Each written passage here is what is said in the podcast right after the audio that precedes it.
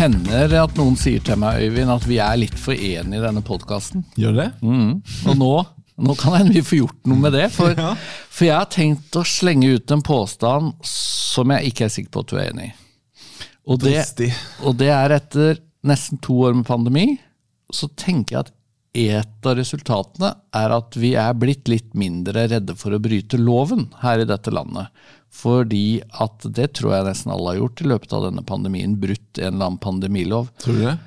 Og så tenker jeg kanskje er det litt positivt, fordi at eh, hvis vi får nye regler eh, for hatprat og konverteringsterapi og den slags som gjør at kristne blir lovbrytere for å stå for tradisjonell kristendom Så er det bra at vi har vent oss til å bryte noen lover allerede. Omtrent. Er ikke den litt fiffig? Det er en, en dristig påstand. Den skal, vi Ja, vi altså, ja. den skal vi altså diskutere litt etter hvert. eh, med overskriften 'Å lyde Gud mer enn å lyde norsk lov'. Omtrent sånn. Ja. ja. Og dette er altså podkasten Ottosen og generalen. Jeg heter Espen Ottosen og er informasjonsleder i Misjonssambandet. Ja, og mitt navn er fortsatt Øyvind Aasland og jeg er generalsekretær i Misjonssambandet. Har vi hatt lang pause, Espen? Vi har det. Lenge siden sist. Og det betyr vel at vi må ha en skikkelig runde med litt oppdatering. Ja. Selv om det. det er for lenge siden jul. Så det å begynne å snakke om hva vi gjorde i jula, det, det blir for uh, kjedelig. Det var vel ikke så interessant i begynnelsen av januar heller, kanskje? egentlig. Men Nei, det, jeg har nesten glemt det, altså. Men skal vi starte med å bare skylde på eh, korona? ja, du var jo innom en svipp, du. Jeg var Hadde noen dager i karantene. Uh, nei, nå må vi være nøyaktige. Isolasjon. Det er nemlig viktig å ikke bryte norsk lov. Ja, ja. Og jeg, jeg satt altså i isolasjon de siste dagene det sto i norsk lov at det må man gjøre hvis man har fått eh, korona. Når jeg, jeg satt fire dager i isolasjon, eh, og ikke seks dager, da. For den, den regelendringen kom da rett før jeg ble smittet av en femåring som jeg hentet i barnehage. Ja. Men du ble ikke så veldig sjuk? Nei, jeg, det føltes som en For meg, da. Men jeg tror folk er skikkelig drittlei av å høre at Ja, alle skal det. fortelle hvordan det er å ha korona. Ja. Men vi snakker om en forkjølelse, og heldigvis ikke noe voldsom hodepine. Så jeg var rimelig operativ fra hjemmekontoret. Det merka vi. Ja, fint, det. Men, men altså, du var, jo, du var jo litt redd for å bli smitta, du. Akkurat på samme tid. Ja, var det.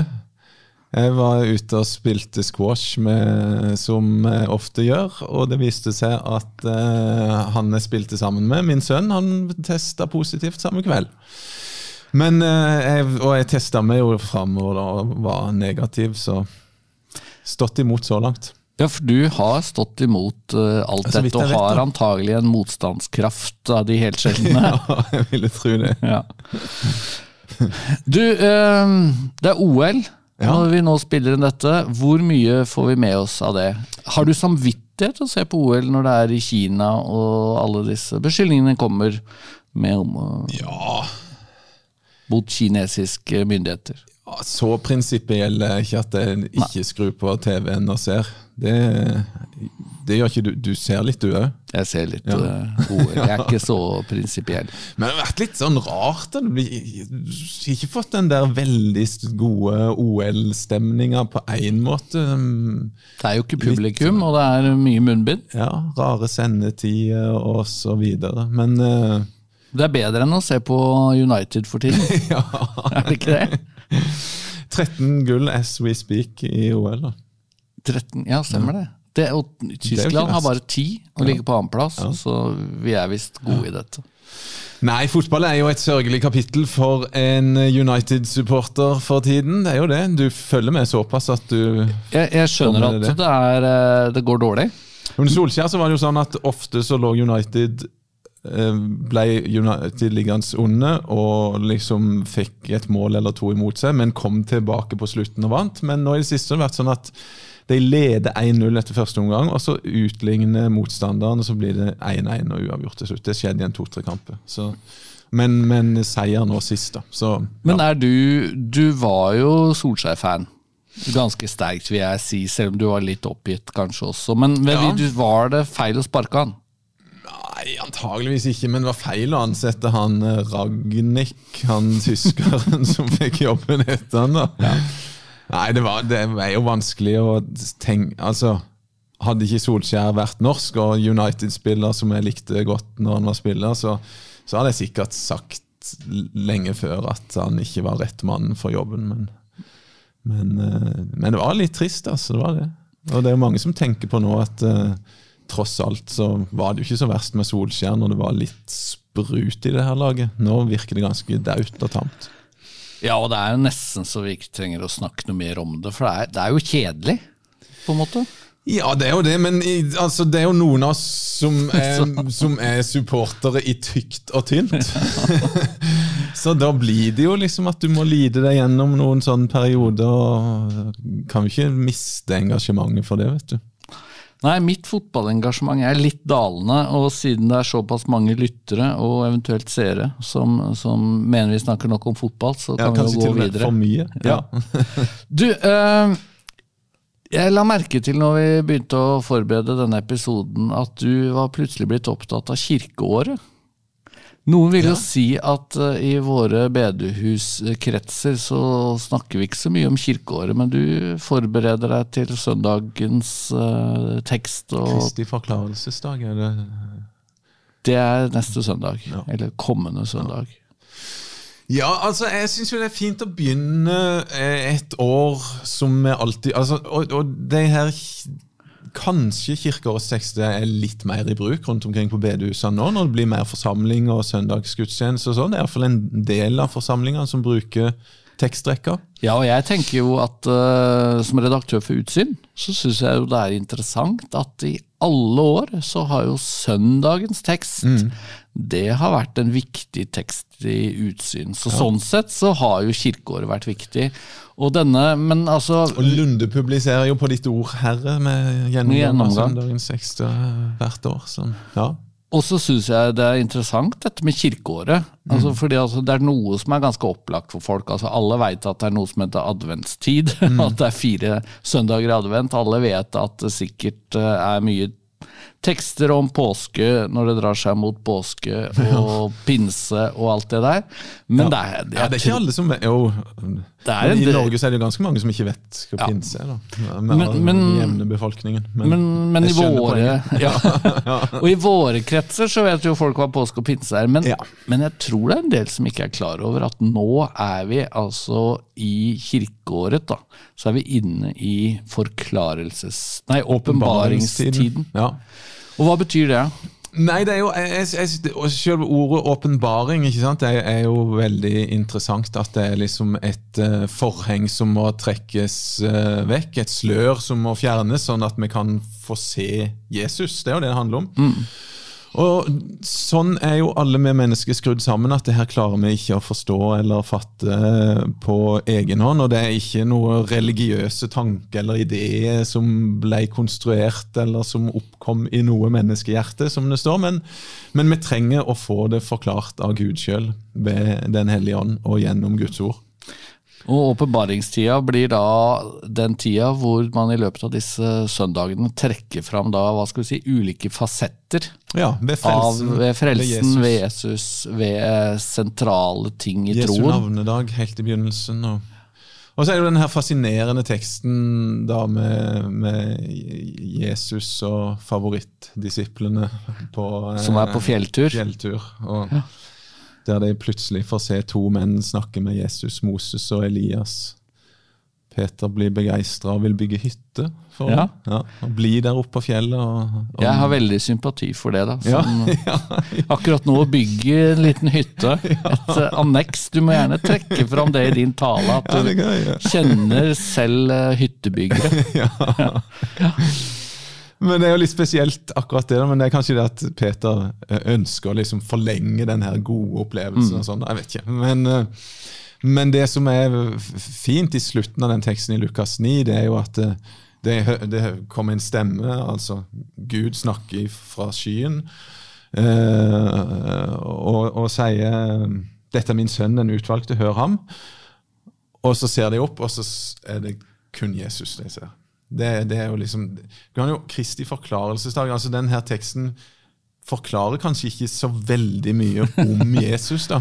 Men viser Men- veldig tydelig hvor uh, sentral han er, da. Ja. Og at uh, indirekte, i hvert fall, så sier vel teksten at det, det må være et mål for oss, da. Å ha Jesus som det helt sentrale.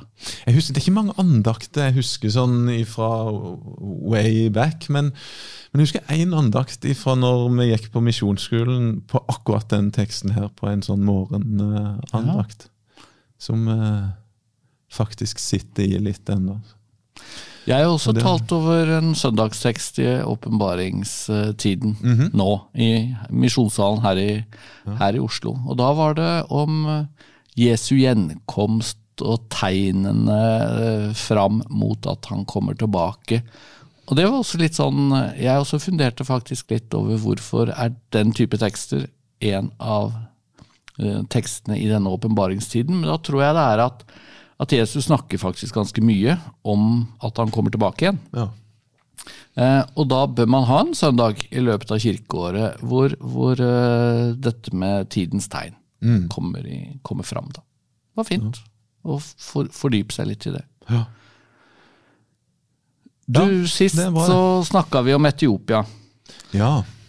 Og, og siden det altså Vi har ikke så mye nytt å si fra Etiopia, men Men heldigvis, på en måte. Heldigvis. det er iallfall ikke blitt utsendingene våre er tilbake igjen. Ja. Men det er fortsatt en spent og krevende politisk-militær situasjon. Ja, og, og uheldigvis da, så er det jo ikke noe sånn veldig positivt nytt å fortelle heller. Iallfall ikke som en nådd meg. Det er jo, det er jo litt det er jo ikke så mange nyhetskanaler som formidler så mye fra Etiopia Nei, lenger. det må være jeg holdt på å si, veldig store ting som skjer. da. Ja. Mm, Brutale og fæle ting, Ja. egentlig, før det kommer på Dagsrevyen, for å si det sånn. Ja.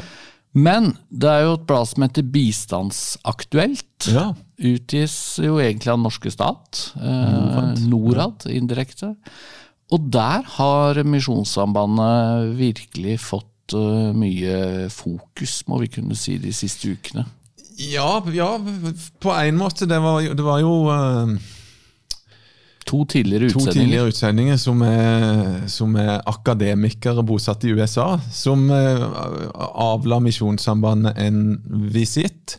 Det vil si, kanskje ikke så mye Misjonssambandet sånn offisielt som enkelte representanter for, eller, eller tidligere misjonærer i Etiopia. Da. For det er jo blitt en sånn veldig Det er en polarisert debatt.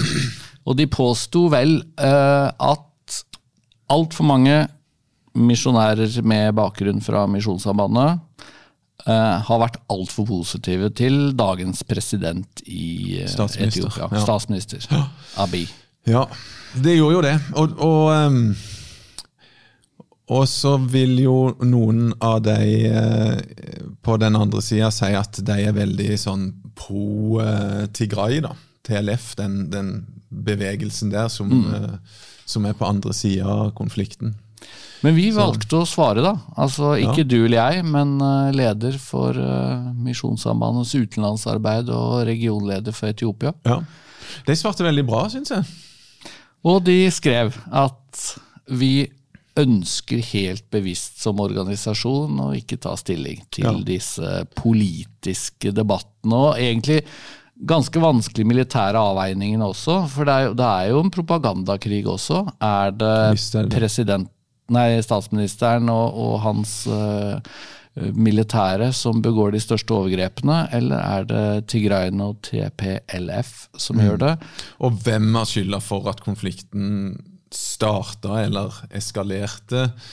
Det er mange vanskelige spørsmål der som du skal være mm, som det er vanskelig å ta stilling til på et sånn objektivt grunnlag. Og jeg tenker jo at Kanskje begge sider er litt mye farga av sitt utgangspunkt og hvem de har sympati for i utgangspunktet.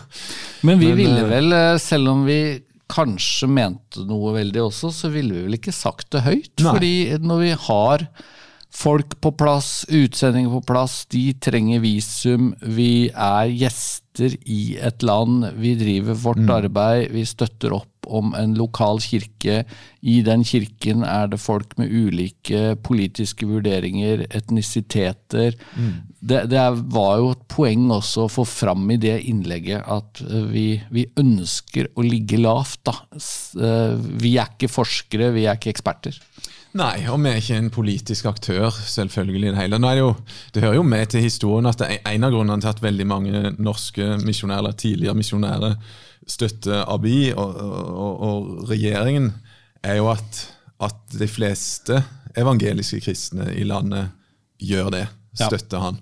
Han er jo en uttalt kristen sjøl. Protestant, protestant, eller evangelikal. Kristen, ja. Så så det er jo en del av, av bildet sånn sett. Men, men, det er jo viktig for oss å være til stede i mange krevende land politisk sett. og, og, og vi ønsker å være der lenge, og, og, vi ønsker å drive misjon og ikke andre ting. Og da, da er det jo mm.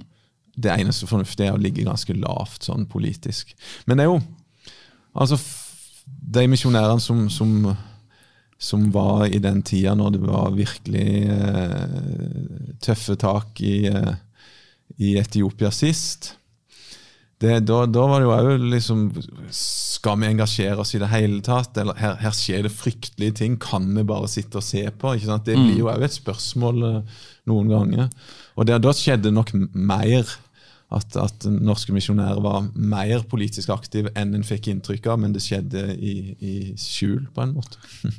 Ja, da prøvde man vel egentlig å få til to ting på en gang. Det ene var å ikke bli hivd ut, da, eller å ikke skade kirken og de en sto nær. Mm. Samtidig som man prøvde å gjøre alt det man tross alt kunne for å få internasjonal oppmerksomhet ja, om forferdelige ting. Ja. ja. Mm.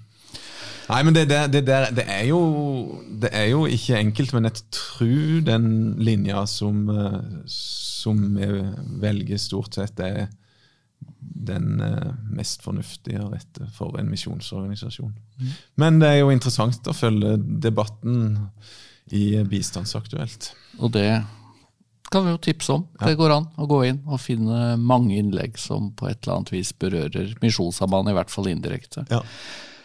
En annen debatt som det har vært litt av, eh, primært i vårt land, har handla om Per Arne Dahl. Ja, han skifta syn. Tidligere biskop mm -hmm. som skifta syn i homofilispørsmålet. Ja. Det tok jeg tungt, jeg. Ja.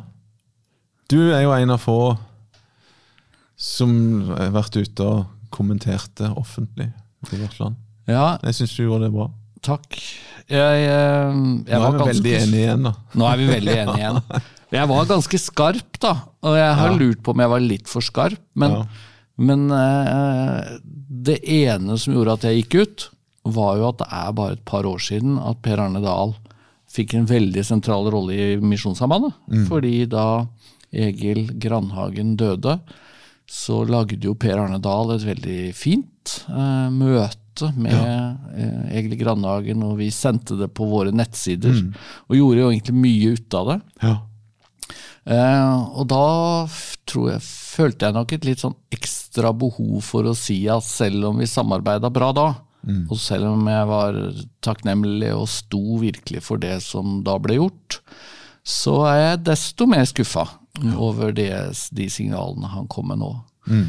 Og så er det, jeg syns det er noe veldig rart, jeg må bare få lov å si det, at nå er jo Per Arendal pensjonist.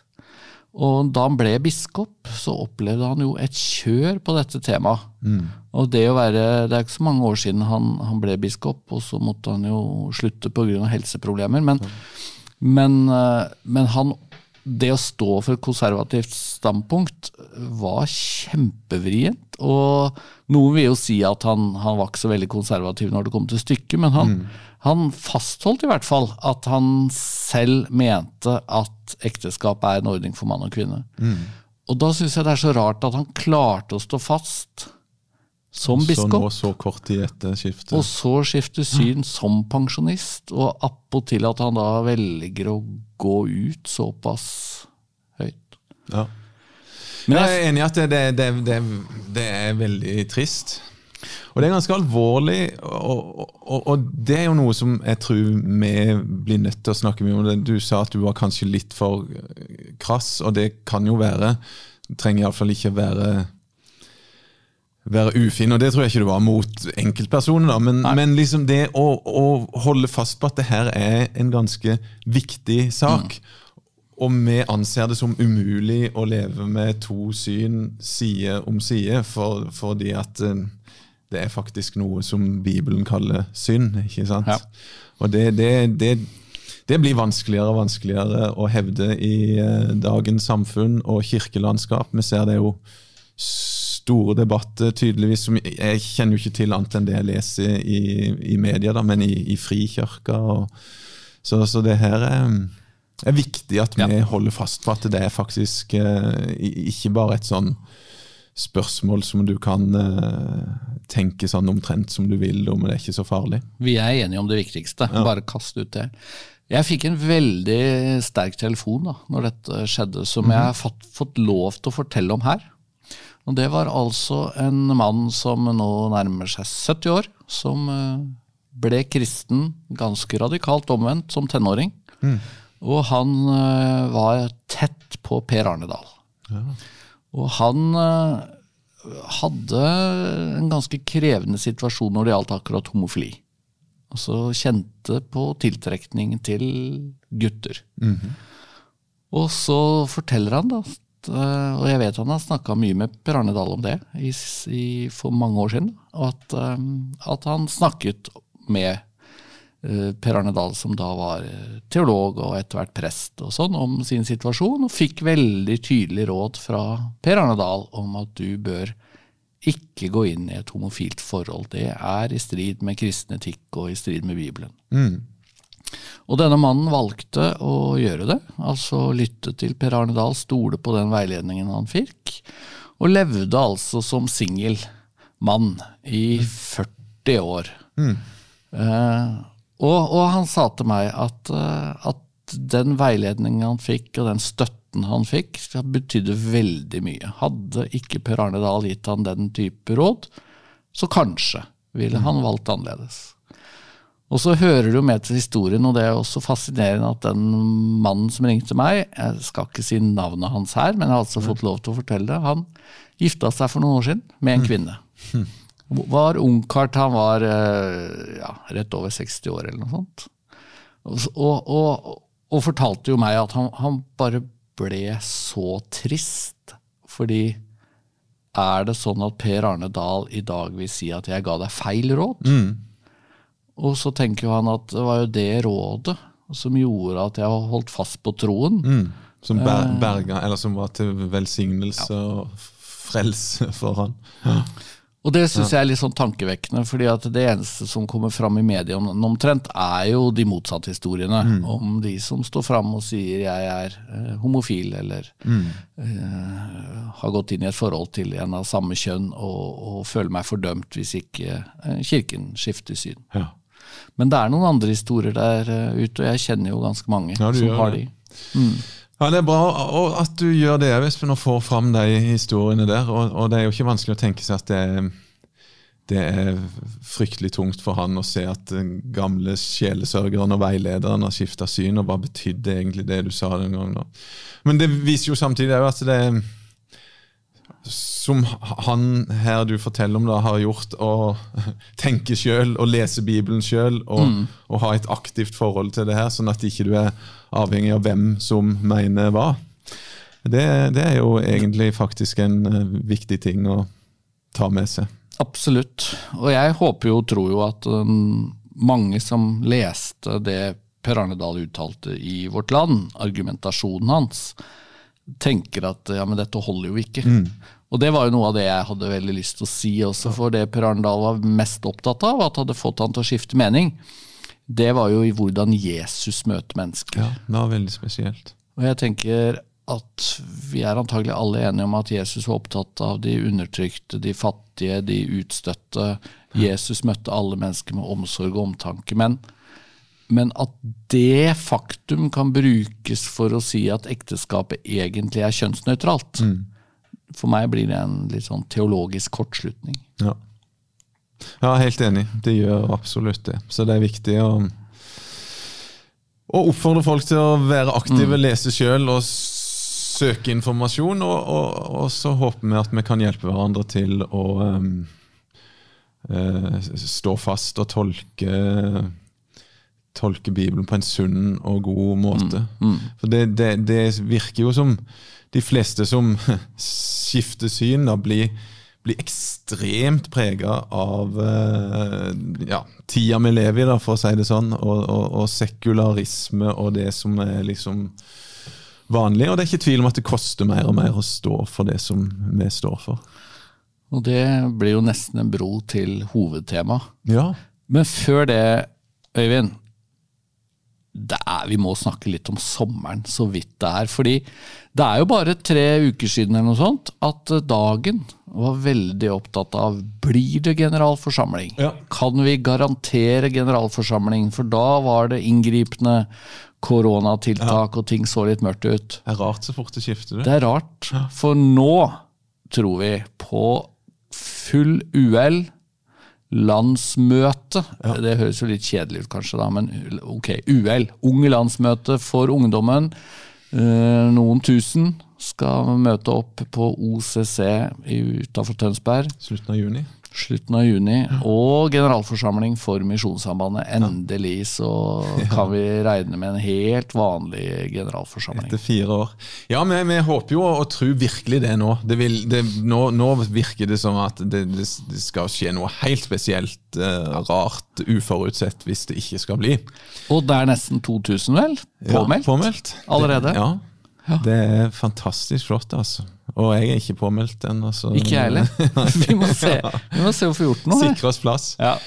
Eh, det, det, er jo fantastisk. altså. Det blir, det blir veldig veldig gøy. Og, og, jeg møter jo mye folk rundt omkring som virkelig gleder seg til generalforsamling. Og ikke minst barnefamilie, da, og unge som er store nok til at de husker forrige gang. Ja. Det, er, det er veldig gøy. altså, at eh, at det generalforsamlinga er blitt den type samling. Ikke bare det forretningsmessige og alt det som kreves av en generalforsamling, men alt rundt med møter og barneaktiviteter. Misjonssambandet har jo gjort en ganske god innsats for at det faktisk finnes noen tusen rundt i dette landet som når de hører ordet generalforsamling, ja. så tenker de jo ikke avstemninger og den slags. De tenker eh, ja, sommerstevne, ja, egentlig. Ja. Ja, det, det, har vært veldig veldig viktig, tror jeg. altså. Og, og vi, vi, håper jo å komme opp mot 1000 uh, eh, delegater. da. Det ja. er jo den, uh, den uh, formelle sida av generalforsamlinga. Og, og, det er jo mer enn dobbelt så mange foreninger og lag og fellesskap i Misjonssambandet, så det, det, bør være mulig. Og så finnes det en podkast som, som heter Vitt Vitne. Vitnepodden. Ja. Lett å spore opp den, eh, hvor det kommer nye episoder om stort og smått som på et eller annet vis har enten med tema å gjøre, som jo da er vitne, mm. eller som uh, handler om generalforsamlingen. Ja, den er vis. veldig fint. Jeg har ja. hørt kun to episoder, skal jeg innrømme, men jeg skal forte meg å høre. Jeg vet ikke mange som er utgitt. Men det, det, kommer stadig nye, ja. men jeg kan røpe at det er flere enn to ja. som, er, som, er, ute. Jeg tenkte egentlig det. Ja. Skal vi gå til hovedsaken, siste sak? Og se om vi kan bli uenige? Ja, det, og det, det er greit, det, altså. Eh, eller jeg, jeg, er litt sånn usikker, men jeg har tenkt mye på, på dette spørsmålet. Hvor alvorlig er det å bryte norsk lov? Mm. Og jeg hvis jeg skal være litt personlig å starte der, da, så tror jeg at jeg har tenkt at det er kjempealvorlig. Ja. Nå har jeg en svoger som er politi. Eh, han har ei søster som driver i juristbransjen. Mm. Vet ikke hvor mye relevans det har, men, men, i hvert fall har jeg liksom alltid tenkt at uh, en del av det å være kristen, det er jo også å vise respekt for myndighetene. Mm. Og jeg har ikke slutta å tenke det, altså. Men jeg har kjent at det har gjort litt med meg, denne pandemien. Fordi at disse, denne koronaloven mm. har jo vært ekstremt inngripende. Mm. Og den har, den har, regulert om jeg får lov å ha to gjester eller fem gjester. Den har regulert om jeg får lov å gå på gudstjeneste. Mm. Eller den har regulert om vi får lov å arrangere gudstjenester. Den har øh, hatt masse regler for no hvor du får lov å reise.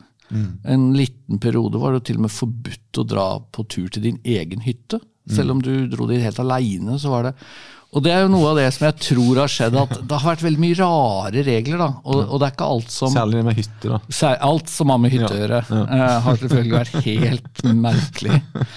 Men, men jeg, jeg, jeg, jeg kjenner jo at for min egen del så har jeg liksom mista litt sånn troa på at, at det gjør så mye å bryte norsk lov.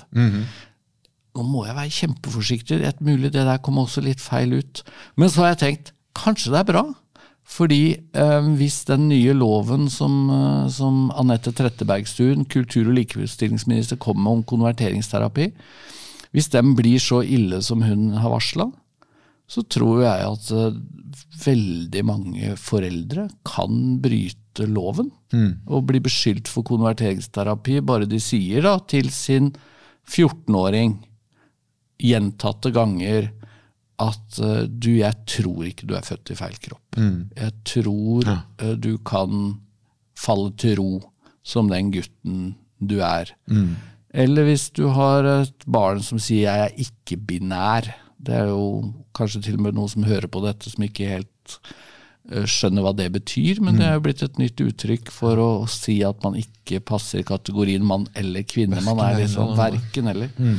Og hvis du da eh, Altså, nå har vi en lov uh, i Norge som sier at du ikke kan drive hatprat når det gjelder menneskers kjønnsuttrykk og uh, kjønnsidentitet. Og, og hvor grensen akkurat går, kan man jo fundere litt på. Jeg håper inderlig aldri at jeg blir anklaget for hatprat, men jeg er blitt det stadig vekk på Facebook. Ja For å si det sånn. Så, så jeg litt, sitter og tenker kanskje er det litt bra at eh, vi er blitt litt mer skeptiske til politikernes eh, voldsomme visdom når det gjelder det å lage gode lover. Ja. Skal du protestere litt? Ja, kanskje litt, men altså, jeg er jo opptatt av å, å eh, være en lovlydig borger, og tenke at det er bra for en kristen.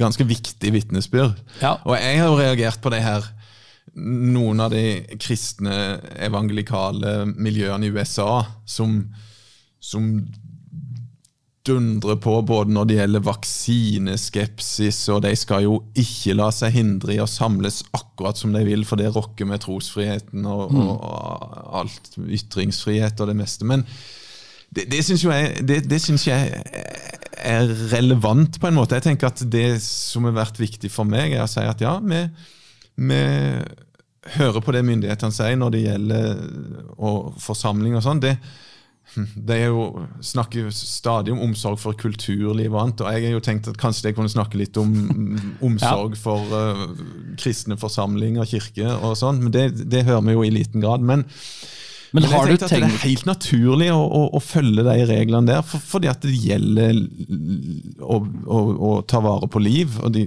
sant? Mm. og derfor syns jeg det er så tåpelig når sånn litt sånn Ja eh, Republikanske, evangelikale amerikanere med Trump-tilbøyeligheter liksom skal tøffe seg og demonstrere hvor frie de er og alt det der. Og så, hører du at det, det spredte seg jo sykdom som bare det, og mange som døde. Ja. Det, det blir litt for dumt. Og vi hadde jo noen episoder i Norge òg som eh, med, med utbrudd. Det, det har jo vært flere, og en ganske nylig også oppe på Sunnmøre, vel. Hvor det var i kristne miljøer blant øh, vaksineskeptikere, eh, og folk ble alvorlig syke. Jeg også syns det er kjempevanskelig å balansere øh, hva jeg skal si og hva jeg skal mene. fordi noe av det som er vanskelig også, er at jeg er jo ikke noe ekspert på verken covid-19 eller vaksine. eller Nei, nei. den slags. Det er masse jeg ikke vet, og, og jeg velger med ganske åpne øyne å stole på eksperter og stole på myndighetene. Mm, vi gjør det. Men samtidig så har de jo tatt feil da, på noen Ja. områder. Ja. Og, og det er jo viktig også når folk sier at man skal være kritisk til eksperter, så tenker jeg ja, det skal du, men du skal være enda mer kritisk til YouTube. Ja. på en måte. ja. Så, men men det, er, det, er, det, er, det er vanskelig, syns jeg, å finne en balanse ja, og her. ekspertene har jo vært åpne hele tida med at det kan være vi tar feil. Vi, vi kan ikke se alt. Og, men, og det som er litt sånn interessant, er at de kommer seg unna med Når folk sier at det her er jo helt urimelige tiltak, så sier de ja, men det er summen av tiltak som teller. De klarer liksom alltid å vri seg unna på en måte. Og, og, og, men, men samtidig så er det jo innrømt noe feil, da. Men, men, det er har jo vært så- er, er, ditt hoved, Din hovedgreie er jo at det her gjør at vi får et litt mer avslappa forhold til loven, og det er bra. Og den, den argumentasjonen vet jeg ikke helt om jeg følger, da, egentlig. Nei. Men, Men- jeg er jo men- enig i at det er rett å lyde Gud mer enn menneske. Mm. Det, det er jo et bibelsk eh, prinsipp.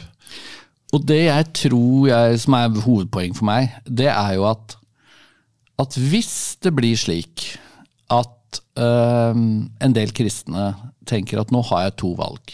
Enten kan jeg stå for det jeg mener er rett, og om det så ender med at jeg ender i fengsel, eller i hvert fall får bot. Ja. Eller så kan jeg gi etter fordi jeg ønsker å lyde myndighetene. Da har jeg tenkt at noen kanskje har trengt, eller trenger å tenke det er ikke verdens undergang å få en bot Nei, fra staten, eller til og med bli trua med fengselsstraff, fordi det er enda viktigere å lyde Gud og stå for noe. Da. Um, jeg har jo tenkt mye på hun finske politikeren. Ja, det, det, det Paivi Resen Resenen. Snart komme en dom der, skal det ikke det? Jo, I disse dager. det stemmer. Og for uh, lyttere og, og seere som ikke har full kontroll Finsk lege, fembarnsmor, Politiker. politiker, har vært Minister. til og med innenriksminister i Finland. Og så langt jeg kan bedømme, veldig alminnelig, sunn, konservativ kristen når det gjelder homofilispørsmålet. Og likevel blitt stilt for retten, anklaget for hat overfor folkegrupper. Og det jeg la merke til, som jeg syns var utrolig alvorlig, det var at en finske aktor sa følgende. Det å si at noe er synd når det gjelder homofili, det er å angripe et menneskes identitet. Du kan ikke hate synden, men elske synderen. Det går ikke.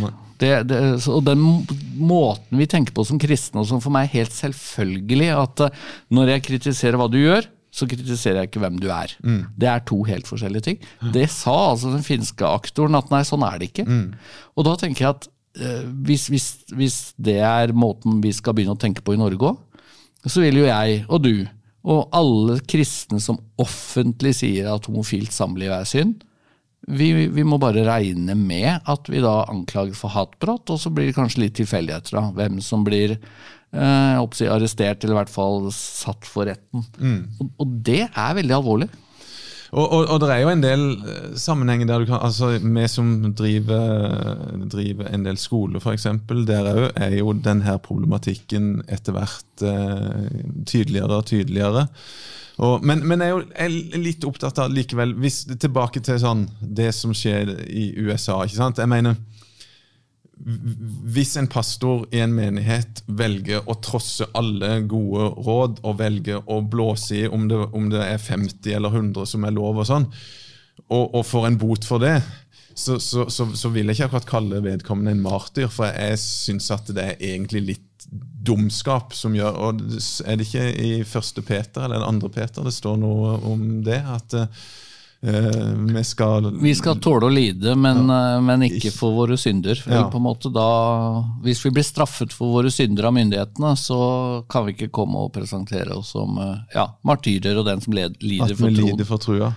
Så, så det er jo viktig å være veldig nøye her og tenke veldig prinsipielt. Og tenke hva er det som er viktig? Og Ja. sånn, Når det ble snakk om å lyde Gud mer enn menneske, så er det jo det at vi kan ikke tie stille om det vi har eh, sett og hørt. Vi blir nødt til å vitne om Jesus. Og hvis myndighetene prøver å hindre oss i det, så, så Men, men, det er bryter vi loven. men det er ikke så lett å svare da når noen sier at ja, men det er jo det myndighetene prøvde på når de nektet at du kunne holde gudstjeneste. Ja, men det kunne du jo. Det var altså, Vi brukte jo uh, forskjellige Digitale- nett og digitale løsninger og, og det meste. Og, og, og, det gikk jo an å se at det var fornuft. Det var jo ikke bare, det var jo ikke bare kristne som ble ramma av det her, men, men alle som hadde store forsamlinger osv. Så sånn. Så, Jeg heller jo i den retning, jeg òg, for all del. At, eh, at det var rett å ikke gjøre et slags opprør, da, for å si det sånn, mot disse retningslinjene. Men jeg tror, og der er vi kanskje litt uenige, da, at jeg, jeg heller også litt mer i retningen at jeg syns ikke myndighetene var langt unna. Men burde protestert litt mer, iallfall. Ja, jo, kanskje. Men altså, det var jo en alvorlig pandemi. Og, og, og det er klart at eh, det å ha på seg at man kjører prinsipper så hardt, da, eh, at eh, du kunne fått et utbrudd og, og mennesker kunne dødd. I Frankrike var det vel slik at det aller første store koronautbruddet kom jo i en svær kristen konferanse. Ja, det var det. Så, så jeg ser absolutt faren for det, da. Og, og det er klart, eh, kanskje er det noen som ser eller hører på dette, som har hatt eh, korona veldig tett på, eller som til og med har mista noen. Eh, Så det å, å si noe som er bagatelliserende i møte med det, er, er kjempeskummelt. Men jeg, jeg ble litt redd av og til gjennom denne pandemien over hvor hvor kjapt folk bare sa ting av typen ja, men vi lever tross alt i en pandemi. Eh, fordi det at jeg ikke kan få lov av tre gjester, men bare to, det er utrolig viktig å være klar over at det er et helt, helt, helt, helt ekstremt tiltak, liksom. Ja, Det gjør det. Og, og at eh, du, altså skal myndighetene gjøre det, så skal de være ekstremt sikre på at det redder liv. Eller det at man eh, ikke får lov å gå på videregående skole. Eh, Jeg tror jo, og har skjønt at nå har det jo kommet fram at det er, det er tusenvis av ungdommer som virkelig har eh, litt mye, da. Psykisk Ja, pga. Ja. dette. Og, og jeg tror vi vil si om fem år at her ble myndighetene for opptatt av det rent sånn vi skal ikke ha et eneste dødsfall mer enn nødvendig, og litt for lite opptatt av hvor belastende dette var for enkeltpersoner. Og da skal ikke jeg komme trekkende med hytta mi, altså. Nei, det nei, det bør du jo ikke. Men den diskusjonen er jo veldig viktig. Ja. Om de her inngripende tiltakene var sånn at det virkelig er gått utover en generasjon. da, De Ja. på videregående, førsteårsstudenter. Det var jo beintøft med, med ensomhet og, og helt endra levekår. Så det, det er jo absolutt viktig å snakke om. Det er jeg jo helt enig med deg i. Men tilbake til muligheten for at vi to, fordi vi er kristne og konservative eh, Jeg er ikke alltid så glad i begrepet konservative, men det får så være. Klassisk kristne. Ja. For muligheten for at vi blir um, lovbrytere, så har jeg vært engasjert igjen da, i noen debatter om kjønn og trans og den slags. Og var med på Debatten på NRK for en tid tilbake. Og da, da får jeg jo veldig ofte dette spørsmålet Ja, men er dette noe som egentlig berører deg? Og nå kom det en artikkel for få dager siden på uh, Dagsavisen, som er egentlig veldig interessant. For der står det som så En lærer i Sverige nektet å si 'hen' Ja. Til eleven og må betale 150 000 i erstatning, for det er trakassering. Ja. Den har jeg fundert på de siste dagene, fordi jeg tenker på våre skoler. Hvis det kommer en elev på en av våre videregående skoler og krever Jeg er ikke-binær. Jeg eh, tror det finnes mer enn to kjønn, eller noe i den duren. Og jeg forlanger å bli kalt hen. Ehm, skal vi da øh, bare akseptere det? Eller skal vi i hvert fall tillate at en lærer kan få lov å være uenig? Og, og, og si han eller hun. Ja, altså jeg, jeg tror jeg mener at øh, det er så viktig å være høflig og respektfull overfor mennesker at, at selv kan jeg godt si hen, altså. Men Men jeg har ikke lyst til å si hen bare fordi jeg kan få 150 000 i bot for ikke å gjøre det. Nei, nei det er jo, jeg er helt enig i det. Men jeg tror òg at jeg tenker at det er viktig å, å um, være hyggelig og høflig og alt det der, og at jeg er såpass pragmatisk at jeg tenker det må jo gå an å få det til da, på et eller annet vis. Ja. Og det er jo veldig sjelden at du må si han eller hun, men du kan jo bruke navnet, da, eksempel, eller sånn. Ved, vedkommende. ja. Men, eh, men det er jo likevel et interessant spørsmål prinsipielt, ja. Det er det. Og der tror jeg at eh, vi kommer til å få masse trøbbel videre. Mm. Og det blir jo avfeid veldig Det blir jo nesten latterliggjort når du hevder de tinga der.